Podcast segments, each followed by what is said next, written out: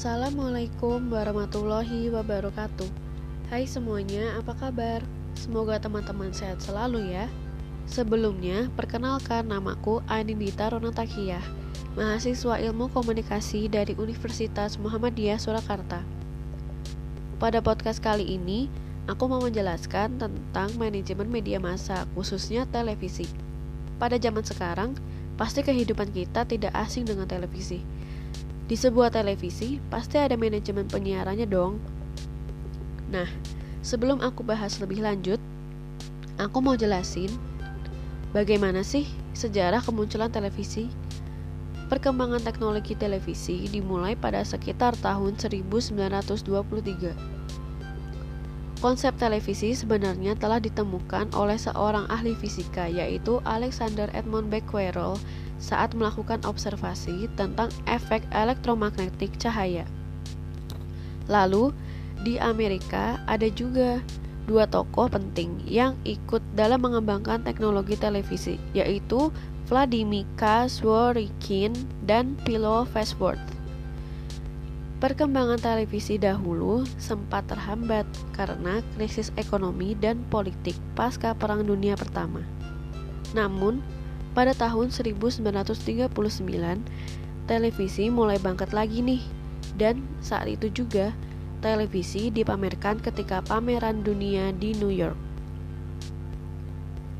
Kala itu, Franklin D. Roosevelt, yaitu Presiden Amerika Serikat, menjadi presiden pertama yang tampil di televisi ketika NBC menyiarkan pembukaan acara melalui siaran televisi. Perkembangan televisi mulai bertambah pesat tidak hanya di Amerika saja, namun di negara-negara lainnya seperti Jerman dan Inggris yang menyiarkan televisi mereka pada tahun 1935. Nah, di Indonesia sendiri, perkembangan televisi dimulai pada tahun 1960-an. Tentunya TVRI, TVRI menjadi stasiun televisi pertama yang ada di Indonesia. Siaran televisinya pun masih hitam putih karena pada awalnya TVRI digunakan untuk menyukseskan penyelenggaraan Asia Games keempat yang diselenggarakan di Jakarta pada tahun 1962. Namun, akhirnya dibentuklah TVRI daerah seperti di Surabaya, Yogyakarta, dan lainnya. Pada tanggal 1 Maret 1963, iklan di TVRI mulai muncul namun, hal itu dihentikan karena iklan dinilai memiliki pengaruh negatif terhadap informasi televisi. Pada tanggal 20 Oktober 1987, dibuatlah surat keputusan oleh Menteri Penerangan tentang siaran saluran terbatas atau SST yang menandai kemunculan televisi swasta di Indonesia.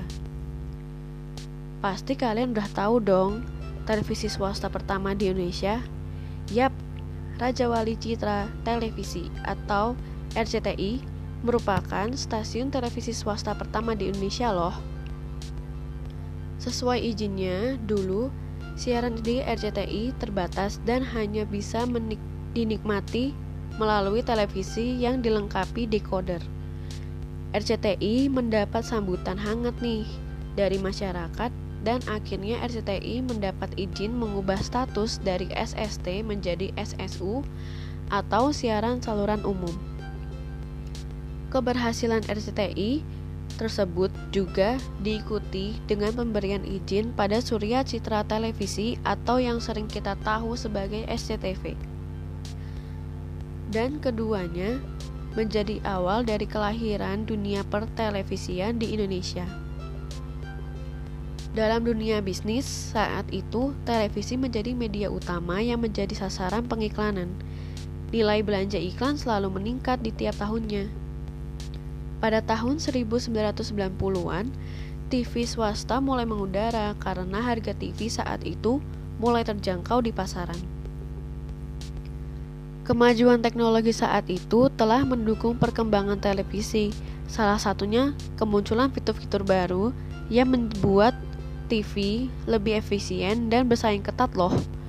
Nah, di dalam penyiaran televisi ada juga loh struktur dan posisi manajemennya.